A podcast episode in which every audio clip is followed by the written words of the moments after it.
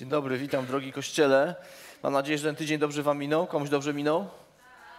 O, trzy osoby, ale super. A reszcie rozumiem, nie kiepsko, strasznie w ogóle niedobrze. Trzeba rano wstawać, do pracy chodzić, ci co mogą, a ci co nie mogą, to się modlimy, żeby mogli. E, Jesteśmy w cyklu Witam te osoby, które być może są po raz pierwszy nas przez przekaz internetowy.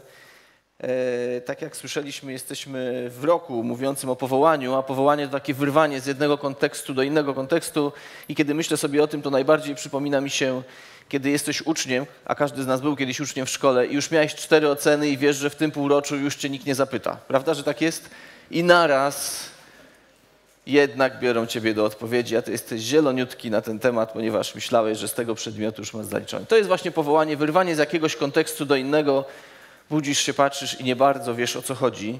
I Bóg powołuje nas, powołał uczniów, powoływał Bożych mężów w Starym Testamencie, kiedy oni nie bardzo wiedzieli jeszcze do czego i dlaczego, ale kiedy im to objawił, to chcieli to robić. I w ubiegłym tygodniu mówiliśmy o tym, jakie jest nasze jeśli. Jeśli coś bym zostawił, albo jeśli coś bym wziął czy wzięła, czy coś rozpoczął, albo coś zakończył, to co by się wydarzyło w moim życiu? Mówiliśmy o tym, że jeśli my nie będziemy wołać do Pana Boga, modlić się, szukać Go, to Boże Słowo mówi, że kamienie wzbudzi do tego, żeby one oddawały Mu chwałę. Mówiliśmy też o tym, że jeśli nie pozwolimy Panu Bogu umyć naszych nóg, a tylko to jest potrzebne tym, którzy należą do Bożego Królestwa, którzy są Jego dziećmi, to On może się do nas nie przyznać. Albo jeśli my nie będziemy mieli postawy, żeby umywać nogi innym, to możemy nie mieć działu, czyli możemy nie mieć udziału w tym, co Pan Bóg dla nas przygotował. I zakończyliśmy to stwierdzeniem, że Bóg jest po naszej stronie, bo Boże Słowo mówi, jeśli Bóg z nami, to to któż przeciwko nam? I pytanie, z jakim zostaliśmy, zostaliśmy, to czy jesteś, czy jestem po stronie Pana Boga? A dzisiaj chciałbym zapytać, e, pytałem siebie i zapytać Ciebie, czy kiedyś w czymś zwyciężyłeś albo zwyciężyłaś? Zdarzyło się komuś odnieść jakieś zwycięstwo? Śmiało, teraz można się pochwalić.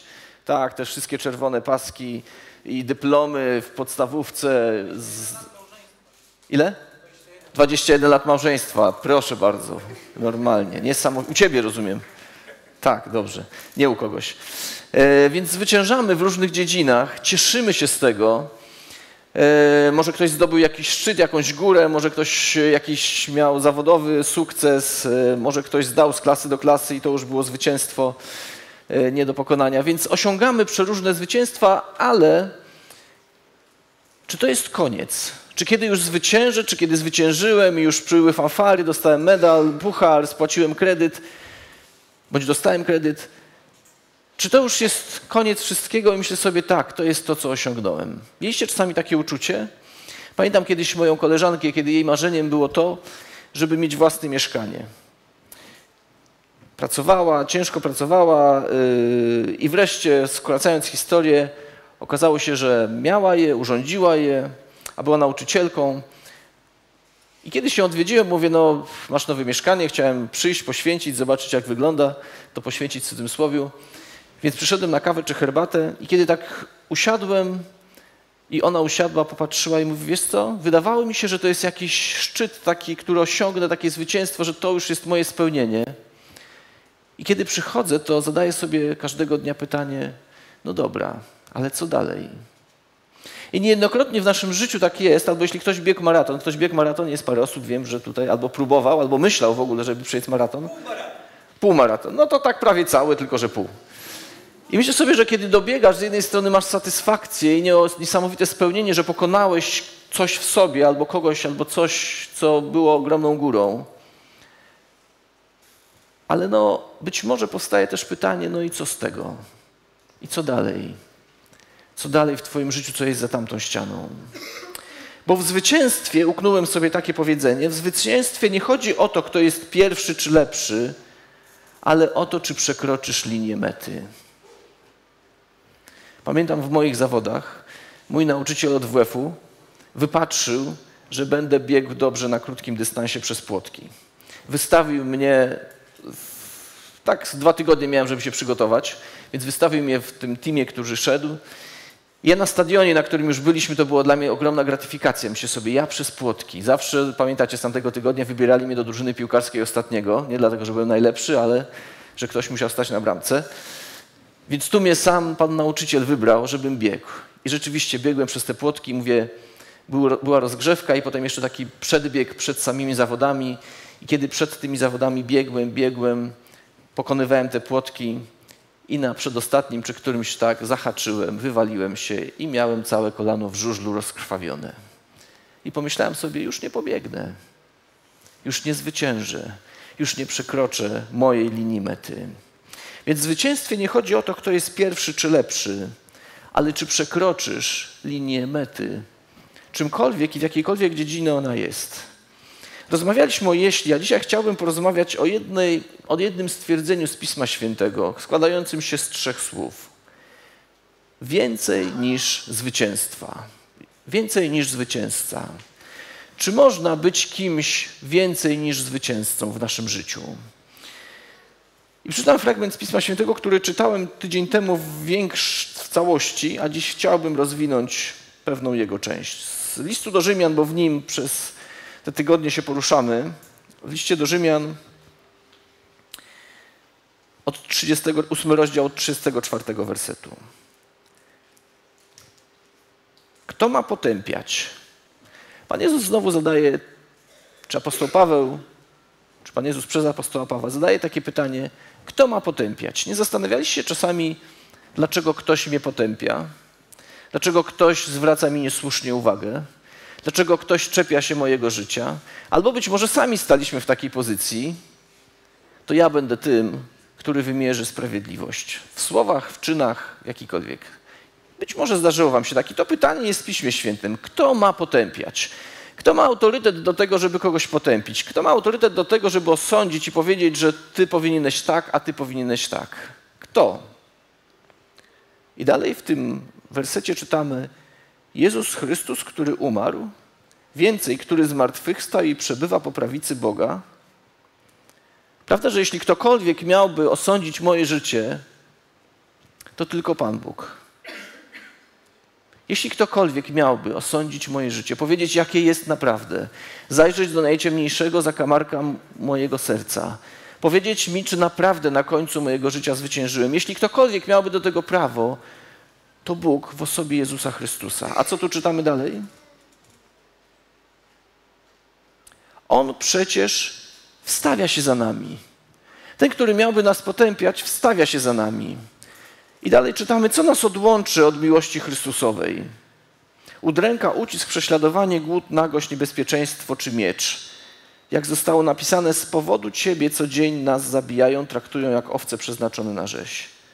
Lecz mimo tego wszystkiego odnosimy wyraźne zwycięstwo dzięki temu, który nas ukochał. Gdyż jestem tego pewien, że ani śmierć, ani życie, ani aniołowie, ani potęgi niebieskie, ani teraźniejszość, ani przyszłość, ani moc, ani wysokość, ani głębokość, ani żadne inne stworzenie nie zdoła nas odłączyć od miłości Bożej, która jest w Chrystusie Jezusie Panu naszym.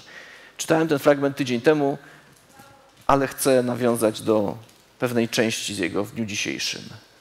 Więc to się, ten fragment rozpoczyna się, kto nas potępia.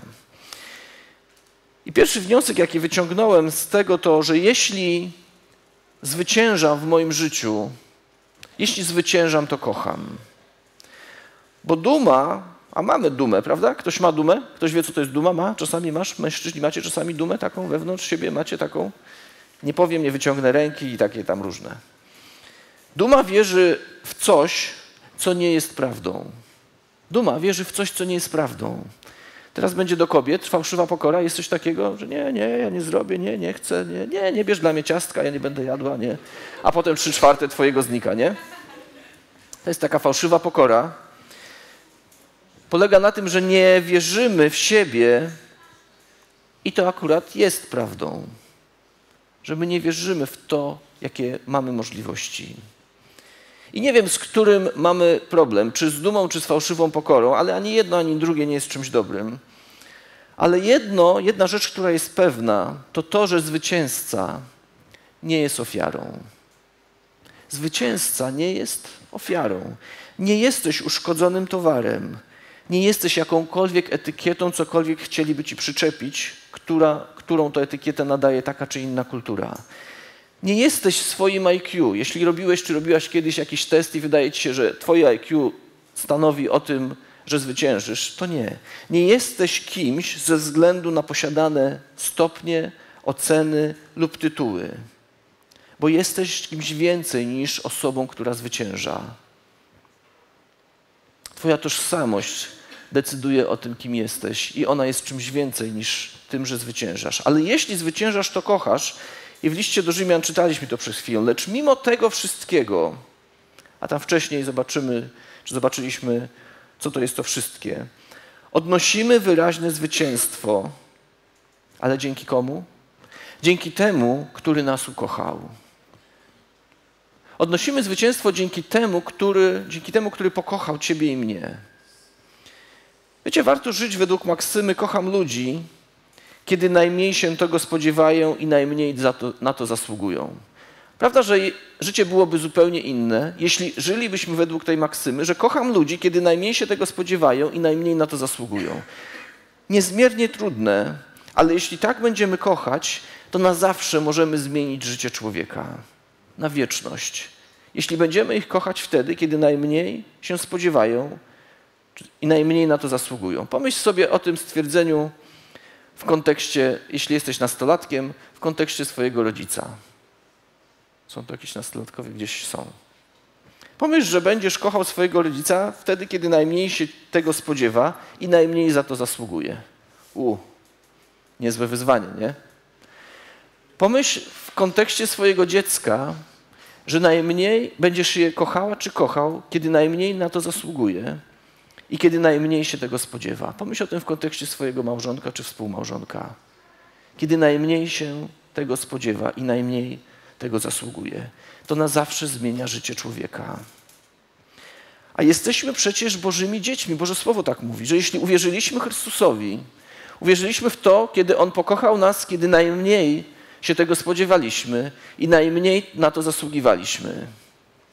Bo pokochał nas wtedy, kiedy dzisiaj byłoby ukrzyżowanie w formie słów czy w formie fizycznej, to pomyśl, czy nie stałbyś, ja stałbym w tym tłumie, który wołał wypuść nam Barabasza, a nie Chrystusa, a Jego ukrzyżuj. I wtedy Jezus, kiedy najmniej na to zasługiwałem i najmniej się tego spodziewałem, oddał swoje życie za mnie i za Ciebie, mówiąc kocham Cię wieczną miłością. I jeśli w to uwierzysz, to będziesz dzieckiem króla, albo może jesteś dzieckiem króla, a jeśli ktoś jest dzieckiem króla, to czynicie to, jeśli jesteś mężczyzną kim? Nie, dzieckiem króla. Księciem albo księżniczką. Witajcie książęta i księżniczki. Może kiedyś marzyłeś o tym, żeby być księciem albo księżniczką. Twoje marzenie się spełniło. To nie znaczy, że musisz nosić koronę czy, czy, tak, czy y, tiarę na głowie, ale musisz sobie ciągle przypominać, kim jesteś w Chrystusie. Kim jestem w Chrystusie? Jakie dziedzictwo On mi dał? Wiedzieliście, że imię Izrael które znamy teraz jako naród, to kiedyś było imię osoby. Imię Jakuba oznaczało zwodziciela. I Bóg imię Jakuba zamienił na imię Izrael, czyli zmienił jego tożsamość i powiedział, że nie jest już zwodzicielem, ale jest księce, księciem, jest dzieckiem króla. Mogę zasugerować, że to, co Bóg uczynił dla Jakuba, uczynił dla, dla każdego z nas. Kiedyś być może byliśmy zwiedzeni, byliśmy od, zwiedzeni od relacji z Panem Bogiem. Nie mieliśmy jej. Może dzisiaj tak jest, że nie, nie masz relacji z Panem Bogiem. Może jesteś tu dzisiaj i w ogóle zastanawiasz się, czy On istnieje, jakiś wpływ ma na Twoje życie, a może jesteś na Niego wkurzony. To Bóg ma moc do tego, żeby zmienić nasz sposób myślenia, nasze postępowanie i nastawienie. I niezależnie od tego, czy zdajemy sobie z tego sprawę, czy nie, to możemy albo jesteśmy Bożymi dziećmi. Księdze Objawienia, w ostatniej księdze Bożego Słowa czytamy też takie słowa: Temu, który zwycięży, dam nieco z ukrytej manny. Podaruję mu też biały kamyk, a na kamyku wypisane będzie jego imię, nieznane nikomu poza tym, kto je otrzymuje. Nie rozumiem tego fragmentu do końca, ale wiem, że kiedy spotkam się, że Bóg da mi imię, które będę znał tylko ja i On. Coś bardzo intymnego między mną a nim, nikt inny. I to będzie wypisane. Oczywiście interpretacje tego fragmentu pewnie są różne, ale nie to jest dzisiaj tematem mojego przesłania. Chcę tylko przez to powiedzieć, że moi czy twoi rodzice nadali ci jakieś imię, ale to nie jest imię ostateczne. Może nadali ci nawet jakiś przydomek, którego nie chciałbyś czy nie chciałabyś. Może w twojej klasie mówią o tobie nie tak, jak chciałbyś czy chciałabyś usłyszeć. Może w twojej pracy masz pewną etykietkę i chciałbyś ją usunąć. Może w twoim życiu jest jakaś etykieta, ale chcę ci powiedzieć, że to nie jest prawdziwe twoje imię, które odzwierciedla twoją tożsamość i twoje przeznaczenie czy powołanie. To imię, które odzwierciedla twoje powołanie i twoje przeznaczenie, zna tylko Pan Bóg i poznasz tylko Ty. I On Ci to objawi, On Ci to pokaże. Niezależnie od tego, jak wyglądasz, co masz, czym przyjechałeś, czy czego nie masz. Druga rzecz, jaką widzę z tego fragmentu, co już wspomniałem pokrótce, jeśli zwyciężam, to nie jestem ofiarą. Jeszcze nie widziałem, żeby ktoś, kto zwyciężył, szedł smutny i zrezygnowany. Kogoś widzieliście takiego? Raczej jeśli ktoś zwycięża, jeśli podnosi, załóżmy ciężary i podniósł najwięcej z wszystkich, to nie wychodzi mówi, nie, no mogłem więcej trochę. Nie, wychodzi, dostaje medal, wszyscy się cieszą. Jeśli uczysz się i otrzymujesz ocenę najlepszą, jaką sobie mogłeś pomyśleć, to raczej wychodzisz z radością. Jeśli ktoś cię awansuje, bo widzi, że masz predyspozycję i tak dalej, czyli można by powiedzieć, że w pewnym sensie odniosłeś zwycięstwo, czy odniosłaś, to nie wychodzisz smutny i myślisz sobie, nie, no teraz ktoś inny nie będzie kierownikiem, tylko ja będę.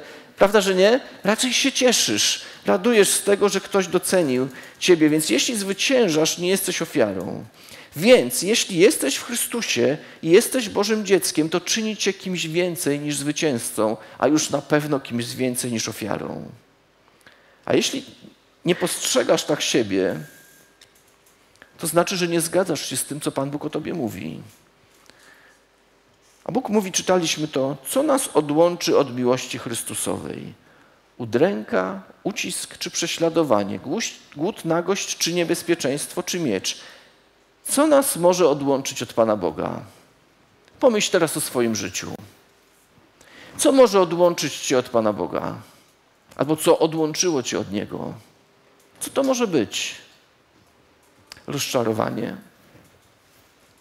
Niespełniona miłość? Zasłużony awans, którego nie otrzymałeś czy nie otrzymałaś? Niespełnienie? Co może nas odłączyć? Co może spowodować, że ta największa więź, jaką Bóg może i chce dać człowiekowi, może zostać zerwana albo zachwiana? Wiecie, apostoł Paweł zaczyna od pytania, kto oddzieli, czy to nas odłączy od miłości Chrystusa, a potem wymienia tą listę chyba najgorszych scenariuszy, jakie możemy sobie wyobrazić, bo nie chcielibyśmy być dręczeni, uciskani, prześladowani, E, cierpieć głód, być nadzy z tego powodu, że nie mamy się w co ubrać, żyć w niebezpieczeństwie i być pod mieczem, czyli w czasie wojny.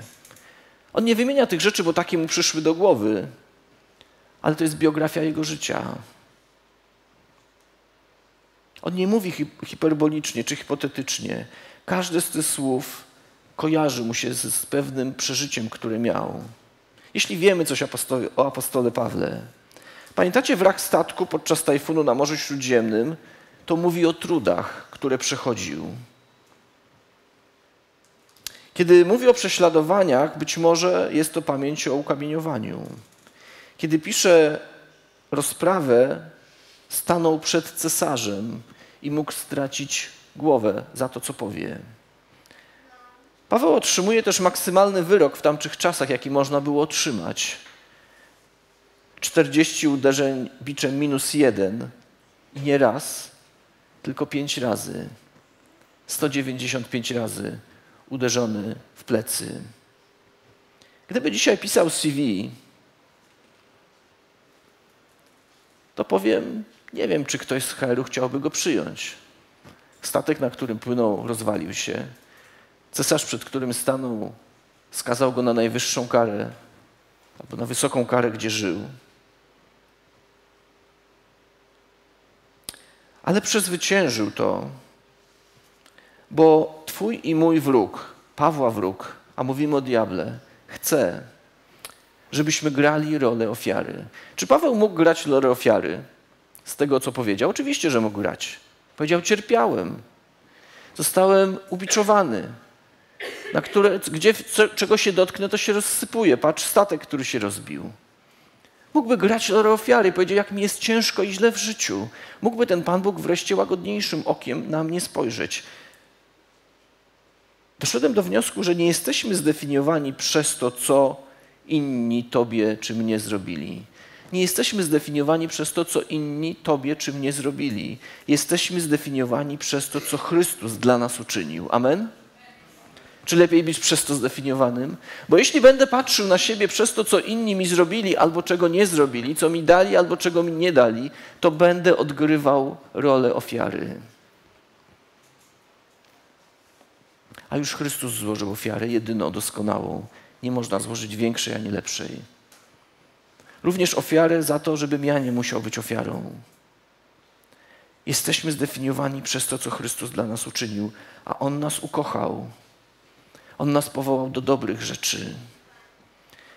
Chcę się upewnić, że rozumiemy. Wiem, że niektórzy z nas, jak tu jesteśmy na tej sali, a może większość, przeszliśmy albo przechodzimy przez trudne rzeczy. Być może dla niektórych nie do zniesienia. I powiedzenie weź się w garść nie jest żadną odpowiedzią ani wskazówką. Być może mamy blizny emocjonalne, które są tak samo rzeczywiste, jak biczowanie Pawła na plecach. Może te blizny są tak samo rzeczywiste, jak u apostoła Pawła. Czasami są bardziej wyniszczające niż te fizyczne. Ale chcę powiedzieć, że pomimo bólu, cierpienia i jakichś tragedii, które być może w życiu przeszedłeś, czy przechodzisz, czy przeszłaś, czy przeszedłeś, nie jesteś ofiarą. Jesteś kimś więcej niż zwycięzcą, umiłowanym przez Boga, księciem, księżniczką, córką czy synem z dziedzictwem, jakie On chce Ci dać. Jakie On chce Ci dać, jeśli odkryjesz, jakie ma dla Ciebie powołanie. Bo nie warto się pchać w miejsce, gdzie nas ktoś nie chce, prawda? Lepiej być w miejsce, gdzie nas ktoś oczekuje. A Jezus mówi, że Kościół w kontekście weselnym jest kim? Oblu oblubienicą, narzeczoną. Ostatnio byłem na paru ślubach. Na narzeczoną wszyscy czekają.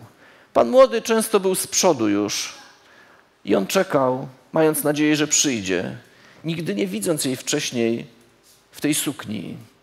I kiedy ona wchodzi, to ludzie milkną. Kiedy wejdziesz jako oblubienica do mężczyzn, jako ktoś przygotowany, na kogo się czeka, to sam Chrystus na mnie i na ciebie czeka z powołaniem.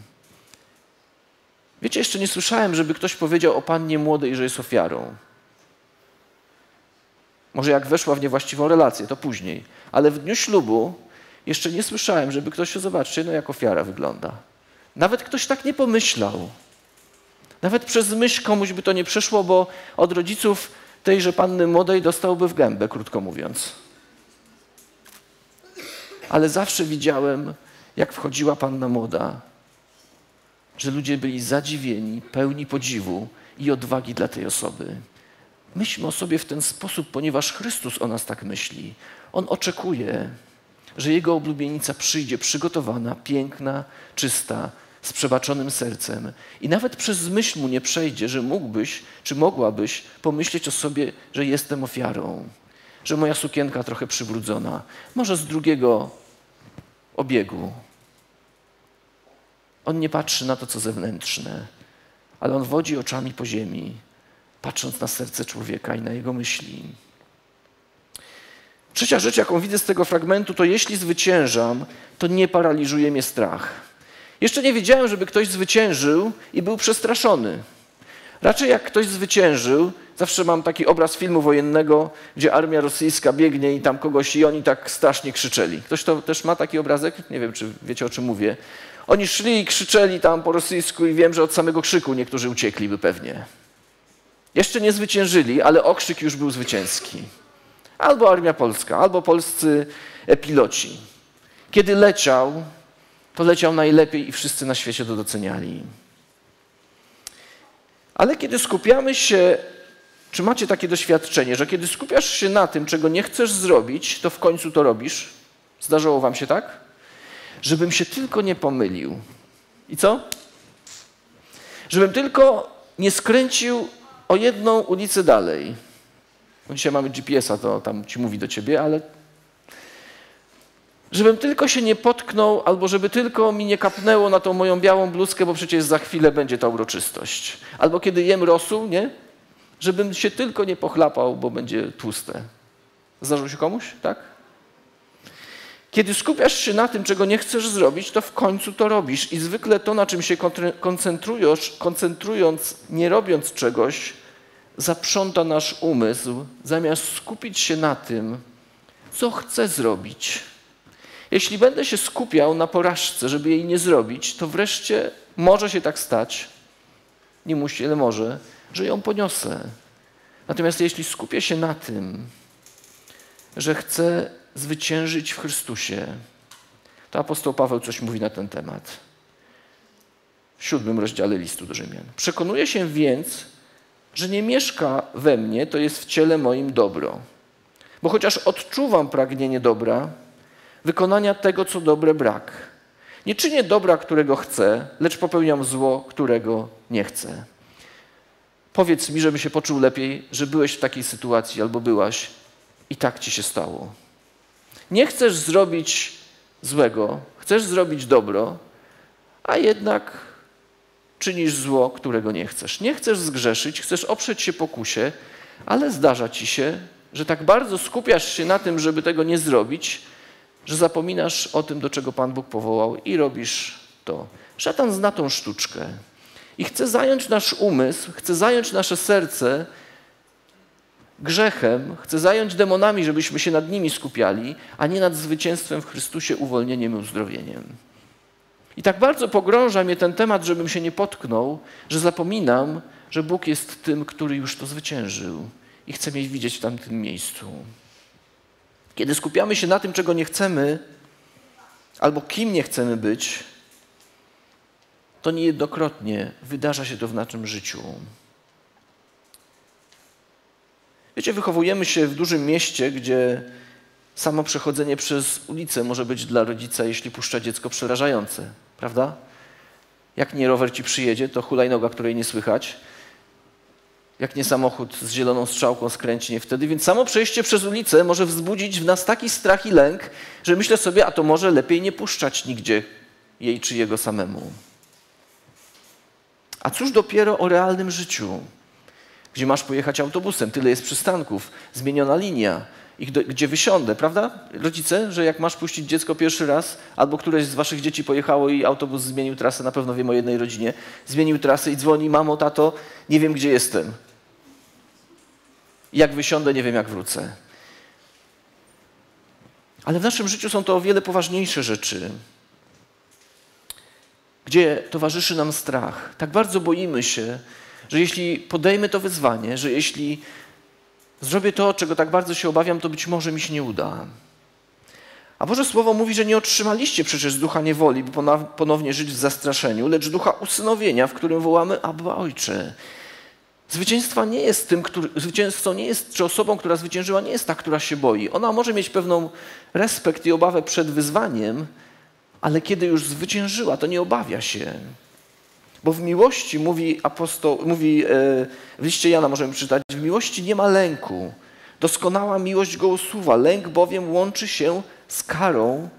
Ten bowiem, kto się boi, nie jest doskonały w miłości, tak mówi Boże Słowo.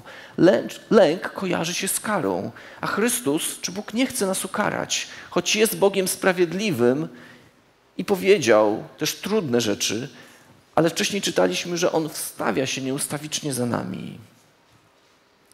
Wrogiem miłości jest tyran, ale jego szczekanie jest gorsze niż ugryzienie. Tu przykład. Czy kiedyś szczekał na was pies? Czy boicie się szczekającego psa czy ugryzienia? Czasami pies tak bardzo szczeka, że boimy się tego jego szczekania, nie tego, że nas ugryzie. Taki mały wychodzi, zęby ma na wierzchu, takiej rasy najbardziej, no nieważne. Wyskakuje i tam robi wszystko, żeby cię przestraszyć nie ma zamiaru cię nawet ugryźć, bo jesteś tak wielki, że on się ciebie bardziej boi. I szatan robi to samo. Bóg, jeśli jesteś Bożym dzieckiem, ochrania cię przed tym, żeby szatan mógł cię ugryźć, czy mógł cię e, zniewolić, czy mógł zrobić coś w twoim życiu, ale szczeka. Ale chodzi w koło jak lew ryczący. Szatan nie jest lwem. On tylko chodzi w koło jak? Widziałem taki obrazek, albo może byliście w zoo naszym, że jest szyba i za nią jest ten drapieżnik. I ludzie sobie tam często zdjęcie robią, nie? że gdyby tej szyby nie było, to na pewno szybciej byś biegał czy biegała.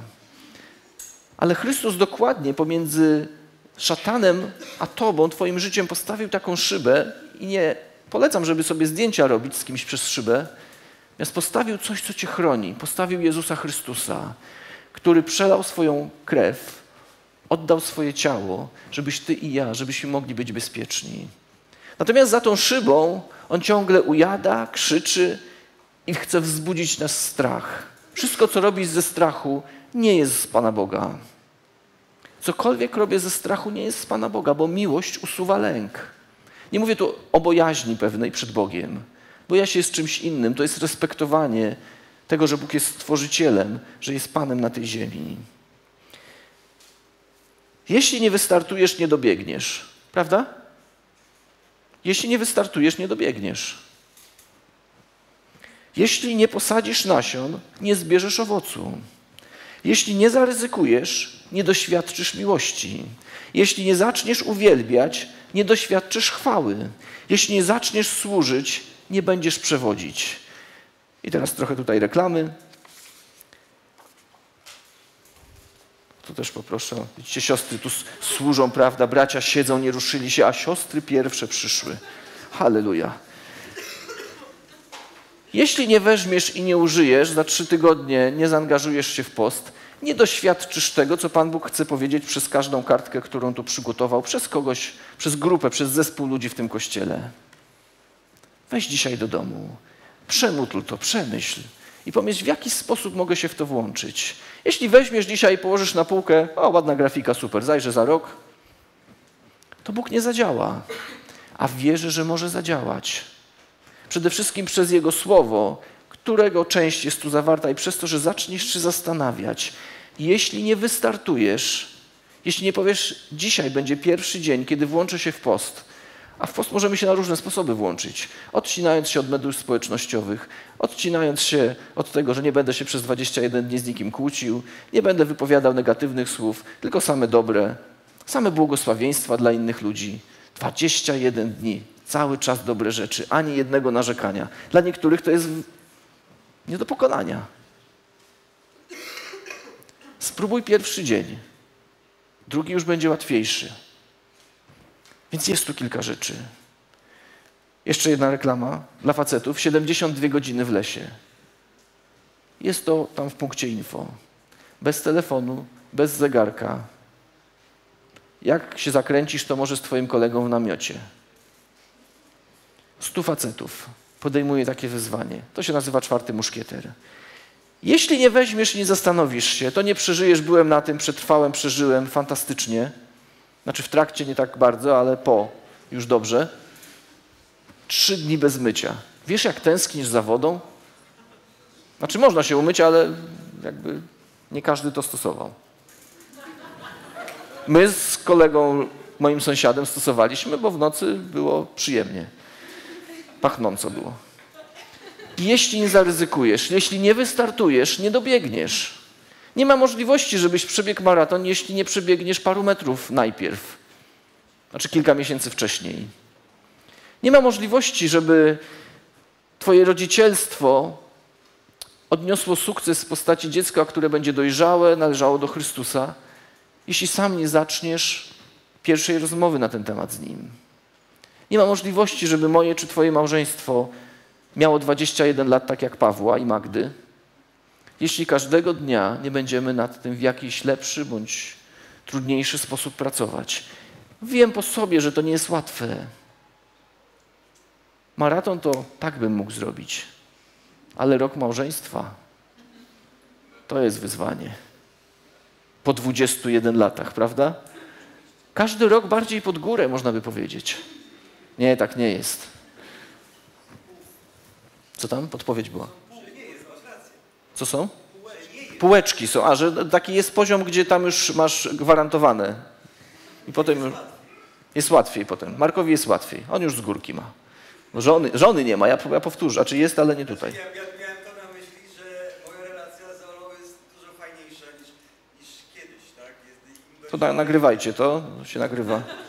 Dobrze, bo w internecie nie wiedzą o co chodzi. Tutaj, jeśli nie wystartujesz, nie dobiegniesz.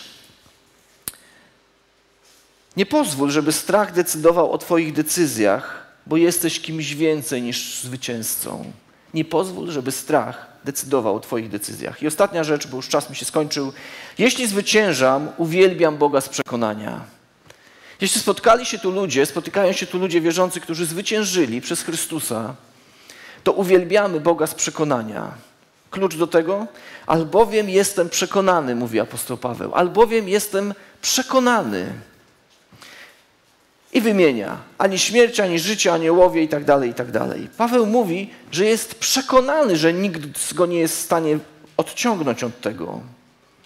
Pisze swoje najgłębsze przekonanie. Ten sam facet, który znosił niebezpieczeństwo, trud, próbę, kłopoty, gdy spojrzał na, na, swoje życie, to jedyny wniosek, jaki z tego wyciągnął, to jestem przekonany. A czym jest wiara? Pamiętacie z listu Hebrajczyków? Wiara jest pewnością, przekonaniem tego, czego się spodziewamy. On był przekonany, że spotka Chrystusa. On był przekonany, że nic nie jest w stanie go wyrwać, bo już tak wiele przeszedł. Bo miłość Boga nie jest logiczna. Miłość Boga nie jest logiczna, jest teologiczna. Skupia się na teo, na Bogu, a nie logicznym układaniu faktów. Miłość do Boga nie jest czymś, co można mentalnie pojąć, ale można doświadczyć tego z objawienia Boga, które może dać do naszego życia. Musi dostać się do głowy, do serca, do naszego wnętrza i tam nas przekonać. To nie jest informacja, to jest pewna transformacja na podstawie słowa, które czytamy, czy które słyszymy, które do nas dociera. Najdalszą galaktyką odkrytą za pomocą spektroskropu jest galaktyka o symbolu MACS 0647JD. Tak wyczytałem.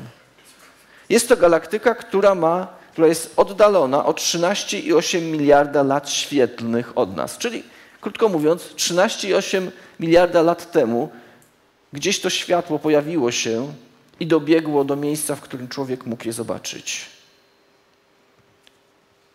Mówiąc przestrzennie, to jest największa wysokość, jaką możemy sobie człowiek odnalazł czy wyobraził. A najgłębsza głębokość w rowie mariańskim, to jest tak zwany Deep Challenger, jest to rów, który ma 10 971 km. To jest coś najgłębszego. 10 tyś, prawie 11 tysięcy kilometrów. Metrów. Metrów, dziękuję. Właśnie obawiałem się, że jak coś tutaj. Ciśnienie wody na tej głębokości jest tysiąc razy większe niż atmosferyczne na poziomie morza nie przetrwałbyś tam ani ja nanosekundy. Bylibyśmy zmiażdżeni. I wiecie, apostoł Paweł pisze, że nic nie jest w stanie odłączyć mnie od miłości Chrystusa. Ani ta najwyższa, ani wysokość, co to jest najwyżej, ta galaktyka, ani, to, ani głębokość, to co jest najbardziej. Nic nie jest w stanie. Nic nie jest w stanie zmiażdżyć cię, ani tam na dole, ani zdmuchnąć tam u góry. Nic nie jest w stanie odłączyć miłości Chrystusa. Nawet jeśli potrafimy uciec od czasu i przestrzeni, nie możemy uciec od miłości Chrystusa, bo Jego miłość wykracza poza granice przestrzeni i poza granice czasu. Jego miłość wykracza. Nie możemy nic zrobić, żeby Bóg nas nie kochał, albo żeby Cię kochał mniej czy więcej. Żeby On nas kochał mniej czy więcej. Jego miłość jest idealna, jest bezwarunkowa i niezmienna. I w naszym życiu dzieje się to na tysiąc sposobów. Jednym ze sposobów, Asia mówiła, jest to, że pomodliła się o oliwki, a za tydzień Pan Bóg przyniósł je po prostu przez kogoś. I z papryczką były. Jest dokładny. A mogły być bez. Były takie, o jakie poprosiła. Tutaj w kontekście też, że jak się modlisz, to módl się tak bardzo konkretnie a już tym bardziej jak się modlisz o bliską ci osobę w życiu. Uwielbienie, które jest podyktowane tym, co czujemy do siebie bardziej niż do Boga, jest fałszywym uwielbieniem. Jest to bardziej kult oparty na tym, co ja czuję. Jest to podyktowane tym, jak uważamy, że jesteśmy kochani, zamiast tego, jak uważamy Boga za kochającego. Uwielbienie to jest wyrażenie tego, jak uważamy Boga, że nas kocha, a nie jak my czujemy, że On nas kocha. Widzimy tą subtelną różnicę? Nie wchodźmy w samo uwielbienie, ale słuchajmy, co Bóg w czasie, kiedy podnosimy ręce, kiedy mamy czas w swoim pokoju, w samochodzie czy gdziekolwiek, kiedy Go uwielbiamy, oddajemy Mu chwałę, słuchajmy, co On ma o sobie nam do powiedzenia. I zakończę historią, którą kiedyś robiłem z nastolatkami. Robiłem taką zabawę, doświadczenie pewne może bardziej. Prosiłem, żeby wszyscy ustawili się w jednym rzędzie. Tutaj jest to niemożliwe, ale wyobraźcie sobie, że stoicie w jednym rzędzie, jeden za drugim i zadawałem pytania, na które odpowiedź była bardzo prosta, zamknięta tak albo nie. I prosiłem, że jeśli tak, to jedni przechodzą krok w prawą stronę, a jeśli nie, to drudzy przechodzą krok w lewą stronę.